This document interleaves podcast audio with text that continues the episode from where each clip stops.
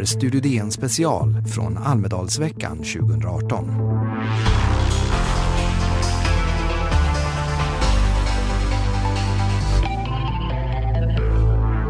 Välkommen till DN i Almedalen. Idag har vi besök av partiledaren som gör debut som talar i Almedalen. Tog över ordförandeskapet för Moderaterna så sent som i oktober förra året. Då steg partiet högt i opinionsmätningarna. Nu riskerar Moderaterna att tappa positionen som Sveriges näst största parti. Noteringen i junimätningen i DN Ipsos är 19 procent. Han är också partiledaren som har sagt att talepunkter, alltså det här med färdigförpackade politiska fraser som upprepas gång på gång, är avskyvärda. Jag heter Karin Eriksson. Jag heter Joar Bendjelloul. Välkommen hit Ulf Kristersson. Eh, vad blir ditt Tack. viktigaste budskap här i Almedalen? Ja, ikväll tänker jag försöka prata om de saker som jag verkligen är djupt engagerad i. Jag kommer att prata om varför tryggheten hotas av gängkriminella. Varför barn och ungdomar som växer upp under tuffare omständigheter inte lyckas lika bra som andra barn och varför det är ett stort problem både för dem och för Sverige. Jag kommer också prata om att vi nu är i ett nytt politiskt läge där den gamla tiden där ett parti är mycket, mycket större än alla andra och liksom är solen som allting cirklar kring. Den tiden är förbi. Och det här skapar många märkliga problem. Men det kräver också ett förhållningssätt till politiken, att man är trygg i sina värderingar men också ganska pragmatisk i att lösa praktiska problem. Det här ska jag försöka göra någon samlad brygd av under kvällen. Varför är det viktigt att säga detta till, till lyssnarna? Därför jag tycker politik är på allvar. Jag förstår gladiatorspelet, jag förstår Almedalslogiken. Jag har varit här besvärande många gånger. kan jag säga. Inte Hur många? Jag har faktiskt slutat räkna. Mm. Gunnar Strömmer sa till mig att han var här för första gången, en sån, en sån junior. Mm. Men allvarligt talat så tycker jag, jag förstår allt det här och det är ju roligt och glädjefullt, men det finns också någon del i politiken som måste vara riktigt allvarlig, tycker jag. Och jag har saknat den dimensionen ganska mycket nu. Jag tycker det handlar väldigt mycket om spel. Jag tycker det handlar väldigt mycket om att kasta dynga på varandra, att systematiskt missförstå varandras avsikter. Och jag tycker bara att det är synd för det politiska samtalet. Och jag tror dessutom, det kommer jag också prata om ikväll, jag tror att om inte politiken sköter sig och sitt viktiga uppdrag, då kommer de krafter som i grund och botten misstror demokratin som styrelseskick i svåra frågor, då kommer de flytta fram fötterna gång efter gång efter gång. Och det ser vi ganska mycket just nu. Hur löser man det problemet? göra för första är ju liksom skärp er, eller skärp oss. Det vill säga politik är på riktigt. Ha gärna olika uppfattningar och stå för dem.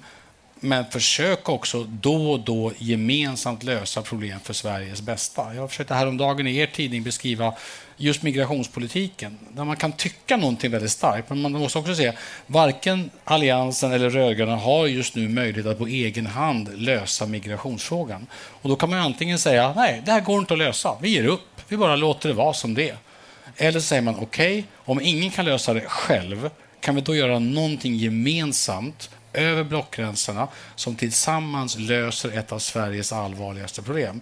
Och jag har inga problem att hålla två tankar i huvudet samtidigt. Jag tycker inte om Socialdemokraternas ekonomiska politik. Jag tycker inte om deras bidragspolitik. Men jag har inga problem att försöka hitta gemensamma nämnare om sånt som är vitala svenska säkerhetsintressen på mycket, mycket lång sikt. När du säger det här, tycker du att de andra lyssnar? Men man kan inte begära allt i en valrörelse. Men jag förstår det. Det här, är inte, det här är en högtidsstund på sitt sätt för demokratin. Det är inte en högtidsstund för det nyanserade samtalet. Jag fattar det. Men du vill ändå... Jag fattar, men, jo, men alltså, vi kan ju inte bara säga vi bryr oss inte om detta. Det är ju en helt oseriös sätt att hantera frågan. Migrationsfrågan kan inte få paralysera all svensk politik i en eller ett par mandatperioder till. När vi då är i ett läge där Moderaterna och Socialdemokraterna återigen tycker ungefär lika i de här frågorna, då kan vi väl vara ärliga och säga som det är. Det här kommer inte lösas, varken av Alliansen eller av de rödgröna. Och då kan vi försöka bilda någon slags bottenplatta i någonting som skulle kunna bli en gemensam lösning på de här frågorna. Jag tror inte att det är omöjligt. Jag tror både på politik som att jag tycker olika, jag står för min ståndpunkt och jag räcker ibland ut handen. Kan vi lösa någonting gemensamt? Vi ska nu försöka oss på ett parti med lite kortare frågor. Det finns ett önskemål också om kortare svar. Vi får se hur det går med den saken. Ehm, en högaktuell fråga Jag fattade poängen dagarna. Bör Sverigedemokraterna få ordförandeposter i riksdagens utskott om opinionssiffrorna består? Jag står fast vid den ståndpunkt som Alliansen hade gemensam häromdagen, att det här är matematik, det här är inte politik. Det vill säga, om riksdagens utskott ska fungera efter valet så måste det finnas ordförande och vice ordförande som leder de utskotten. Hittills har vi tyckt i Sverige att det ska ske proportionellt. Och då har Moderaterna och Socialdemokraterna så att säga, förhandlat om detta och sen delat ut det till sina respektive politiska vänner. Det funkar av uppenbara skäl inte längre. Vilket är det bästa argumentet emot? Nej, jo, man kan bestämma sig. Gör man ingen uppgörelse överhuvudtaget, då kommer det största enskilda partiet ta alla posterna. Alla ordförandeposter och alla vice ordförandeposter. Det har ingen hittills tyckt vara rättvist och rimligt i det parlamentariska arbetet. Och därför landar vi häromdagen på att den rimliga slutsatsen är att det är proportionellt. På samma sätt som man har ledamöter i utskotten proportionellt utifrån valresultat så kan man fördela de här mera byråkratiska posterna. Så vem ska hålla i klubban på mötena? Och vem ska vara viceordförande? Jag tycker det här, det här måste lösas förr eller senare. Det måste inte lösas nu före valet, men efter valet måste det lösas. Och jag, jag tycker illa om det här att liksom, istället för att hantera ett antal praktiska saker för att få riksdagen att funka, så gör man liksom misstänksam politik av precis allting. En av de praktiska konsekvenserna har väl ändå varit att Alliansen inte har framstått som så enig i just denna fråga. Vad betyder det detta för det eh, bilden och förtroendet för allianssamarbetet? Nej, jag tycker det var olyckligt att det blev så. Framförallt som jag uppfattade och som... Eh, det var en helt odramatisk fråga eh, och partierna var överens. Och sen någonstans på vägen lyckades någon missförstå, avsiktligt eller oavsiktligt, vad det här var till för. Lyssnar man på de intervjuerna som gick där eh, så var det ju helt odramatiskt det hela. Så jag tycker det är olyckligt, men det säger väl egentligen bara någonting om att vi är två månader före ett val och nerverna ligger utanpå kroppen på väldigt många i svensk politik just nu. De kommer komma in i kroppen igen. Och då kommer det här att lösa sig? Ja, det måste lösa sig. Om vi inte löser det så kommer det få jättekonstiga konsekvenser. De som har nerverna utanpå kroppen, är det Centerpartiet och Liberalerna med? Jag tänker inte recensera någon i detta läge. Gjorde du inte det precis? Nej, jag sa bara att det finns en nervositet i svensk politik som till del är begriplig när man är två, veckor, två månader före ett val. Och det, allt är så oklart. Det är ett helt nytt läge i svensk politik. Vi har tre partier som hovrar kring 20 procent. Det enskilt största partiet är 24 procent. Jag har precis läst, jag har berättat för dig åtminstone Carl, jag har precis läst eh, Tage Erlander-biografin av Dick Harrison. Tage Erlanders problem var att han visste inte om han skulle få 48 procent eller 50,5 procent. Det problemet har ingen partiledare längre. Mm. Och Då måste man liksom ta in att det är en ny situation och visa lite ödmjukhet inför det här läget. En fråga med Almedalskoppling, vi byter ämne. Organisationen Svenskt Näringsliv, är det ett särintresse? Jag tycker att näringsliv i Sverige, företagsamhet och företagande, det är ett otroligt viktigt allmänintresse. Och organisationen, är den särintresse eller allmänintresse? Du, du frågar ju därför att Fredrik Reinfeldt någon gång beskrev... Alltså jag 2011. tror att han blev lite vantolkad. Det är klart att varje organisation i organisationernas förlovade hemland värnar sina medlemmars intresse. Men näringsliv, Då är det ett särintresse? Men näringslivet är ett brett allmänintresse. Bara korta, vad hände med relationen mellan Moderaterna och företagen under, under de där åren? För det där blev ju ganska Ja, men det är ju en bra poäng. Alltså, det, det, var ju, det blev ju uppfattat på det sättet som någon slags avståndstagande. Det får du fråga Fredrik exakt vad han avsåg med det. Jag tycker att jag tycker verkligen att politiken ska stå bakom företagsamheten. Ibland när vi pratar liksom företagarpolitik så landar vi snabbt i exakt vilka 3.12-regler ska ändras till exakt vilken procentsats. De är inte oviktiga. Men jag tror att den här underliggande politikens stöd för företagsamhet, att vi gillar företagare, folk som satsar pengar, energi och brinner för en idé och ibland misslyckas. Det som gör att man tycker att vi ska vara kvar här i Sverige, inte flytta utomlands. Den politiken vill jag se mer av. Sverige har idag ett nära försvarssamarbete med USA. Är det rätt väg att fortsätta gå om man betänker den nuvarande presidentens oberäknelighet? Ja, jag tycker vi ska ha ett, jag tycker Sverige och Europa ska ha ett nära samarbete med USA. Men jag tycker att den långsiktiga vägen till detta går via Nato. Mm. Vad tycker du om Donald Trumps presidentskap så här långt? Det är inte uppmuntrande. Mm. Kan du utveckla det lite? Ja, hur mycket som helst.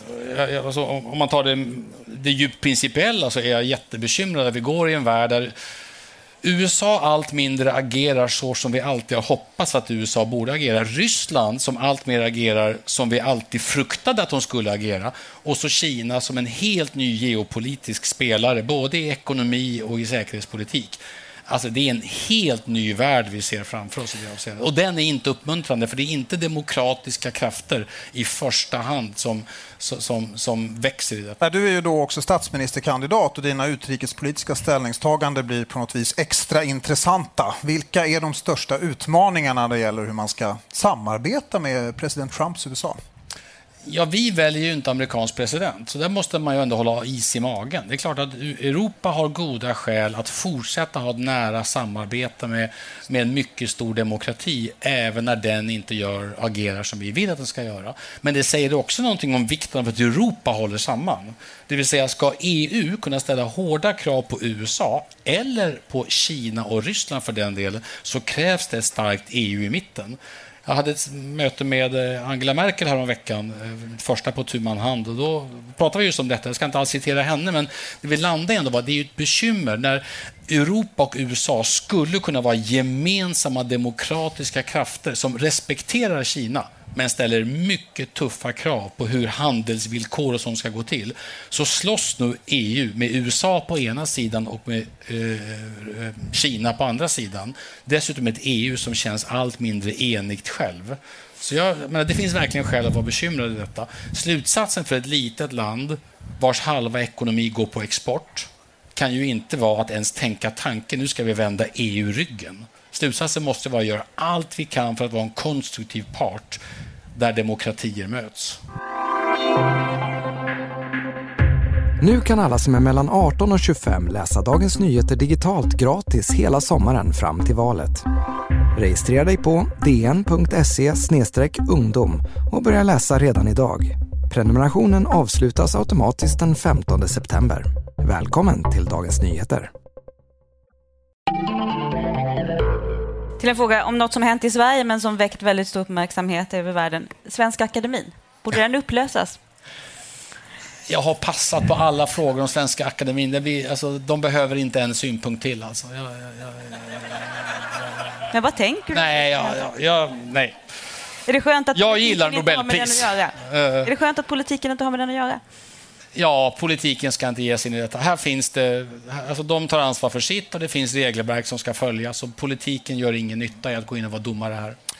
Moderaterna har föreslagit förbud mot det ni kallar för moralpoliser i förorterna. Hur vet man vem som är moralpolis?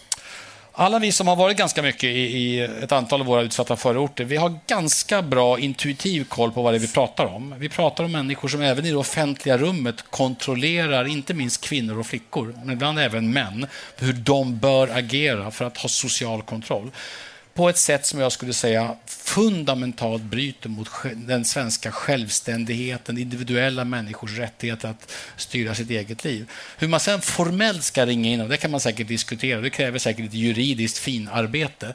Men att det här är en utveckling i Sverige som bryter starkt mot enskilda människors rättigheter, det tycker jag är uppenbart. Ja, nej, du utgår från intuition här och eh, alltså Moderaterna har ju en historia av att föreslå saker som också är praktiskt möjliga att genomföra och där har det funnits vissa tvivel kring detta försvar. Alltså, vad är det för beteende som ska kriminaliseras? Ja, men alltså det som händer i en del förorter det är ju att människor bokstavligt talat tillrättavisar människor publikt och kräver förändringar och kräver inrättning i ledet. Jag har träffat åtskilliga, när jag jobbade med sociala problem i Stockholm, träffat åtskilliga tonårsflickor som beskriver i detalj hur detta går till. Allt ifrån det som är helt solklart olagligt. Du ska åka hem och gifta dig mot din vilja, till sånt som bara kränker unga flickors enligt lag skyddade rätt att styra sitt eget liv. Mer med växande, stigande ålder, inte mindre med stigande ålder. Ja, du beskriver ett beteende som eh, du, eh, partiet ogillar. Hur skulle man kunna få till någon rättssäkerhet runt detta? Ja, återigen, jag, jag jag är inte personen att ge mig in i att beskriva Är inte det viktigt att, ja, eh, att man också det, kan göra det när man Självklart, när man landar i lagstiftning. Jag tyckte när vi möttes av det här förslaget, när det här förslaget kom ut till diskussion så var det många som insåg att det går. Det går att göra detta. Men det är klart att det kommer säkert kräva någon utredning för att visa exakt vad. Ungefär som det vi sa idag. Vi kan inte acceptera våldsbejakande organisationer som stör den svenska demokratin. Det är heller ingen lätt sak att reglera. Men kan vi reglera det när det gäller utländska organisationer, IS till exempel, så kan vi säkert reglera det också i Sverige. Jag, tycker jag har stor respekt för att juridiken måste vara på plats innan man gör lag. Men man måste se problemen och anvisa vägar för att lösa de problemen. Om du finge uppväcka en politiker från de döda i denna svåra valrörelse som kunde hjälpa dig i kampanjen, vem skulle det bli? Jo, men jag åkallar alltid Gösta Boman. Uh, nej, Vad skulle han, han bidra med? Vad skulle han bidra med? Han skulle bidra med en både med vett och sans å ena sidan och med lite entusiasm och temperament å andra sidan. Det är inte så att politik antingen måste vara skriven i, liksom i, i runskrift eller liksom, eh, offentlig utredningsprosa eller vara pajkastning. Det går att ha temperament, tycka olika men ändå ha en seriös diskussion om svåra saker. Jag tycker Gösta, med alla sina fel och brister, men alltså ändå, han visar att detta är fullt möjligt. Och dessutom var han en kombination av en intellektuell person som läste böcker och en person som ville få någonting uträttat. Det är ingen omöjlig kombination. Du eh, brukar ju tala om att det är en väldigt speciell politisk situation vi står i efter valet. Eh, osäkerheten på vad som händer efter valet är ju väldigt stor. Det enda vi verkligen vet är ju att allt partierna lovar så här före valet kommer det att bli förhandlingar om. Eh, jag tänkte försöka få dig att formulera ett vallöfte som gäller på riktigt för Moderaterna oavsett vad. Din baktanke köper jag inte. Det vill säga man ska nu låsa fast någonting som man sen bevisligen liksom omöjligen kan leva upp till efteråt. Men jag tycker jag har försökt formulera några gånger här.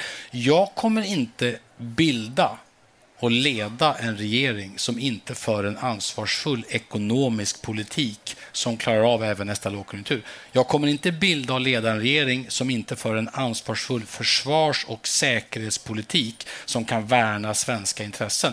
Och jag kommer inte heller bilda och leda en regering som inte för en ansvarsfull migrationspolitik i det här landet. Tycker du att Centerpartiet för en ansvarsfull migrationspolitik? Eh, en alliansregering kommer så småningom göra det. Mm. Och Centerpartiets bidrag till det? Nej, men alltså, um, vad jag menar, jag, alltså, jag, jag har verkligen ja. stora... Ja, men jag kan ju säga att det här, det här, och det här är viktigt här, det här betyder inte så här, börja villkora massa saker i detalj här och nu. Det finns, men som sagt, när det största partiet har 20, 24, sen 22 och sen 20, då fattar ju alla människor med minsta fattningsförmåga att ingen kommer få bestämma själv. Det är det enda som är solklart. Den som säger det ska bli exakt som jag vill kommer inte ha något inflytande överhuvudtaget. Fattar man inte det, då är man i fel bransch. Men om man förstår det, då kan man säga att det här är väldigt viktigt för mig. Den här riktningen måste vi börja gå i om vi ska klara uppgiften. Och jag kan inte ta ansvar om vi går i den andra riktningen. Och det är ett rimligare sätt att göra. Sen tycker jag, liksom, om vi nu står två månader före ett val, då har vi en ganska bergsäker opinionsmätning som kommer den 9 september. Vi behöver liksom inte villkora saker före det, utan då får vi en dom. Jag kommer göra allt jag kan för att förvalta den domen så omdömesgillt som möjligt och jag kommer göra allt jag kan för att Moderaternas politik ska få stort genomslag som möjligt i den helheten. Avslutningsvis här, då, om några timmar så ska du hålla ditt första tal. Du har ju hållit tal tidigare, men just i Almedalen. Men det är ganska stort. Mm, hur känns det? Det är en väldigt bra fråga ska jag säga. Det kan ju framstå som en töntig sportfråga. Ja, men, den, den, är, är bra. Den är bra. Jag är, jag är, inte så nervöst lagd, men jag, går, jag stod där och fuskade igår innan ni hade kommit allihop. Så jag såg jag fuskade med mitt tal i snålblåsten med, med tre åhörare eller något sånt där. Jag tänkte att några till vore kul imorgon. men, men, men alltså kände, och det, är verkligen, det känns stort. Det här är historisk mark, här har svensk politik skrivits. Och jag har inga sådana pretensioner att skriva ny historia här ikväll, men det känns verkligen stort och förpliktigande att få göra detta, verkligen. Mm. Och du har en publik här också. Mm. Vi tack för att du kom hit. Tack så mycket. Mm.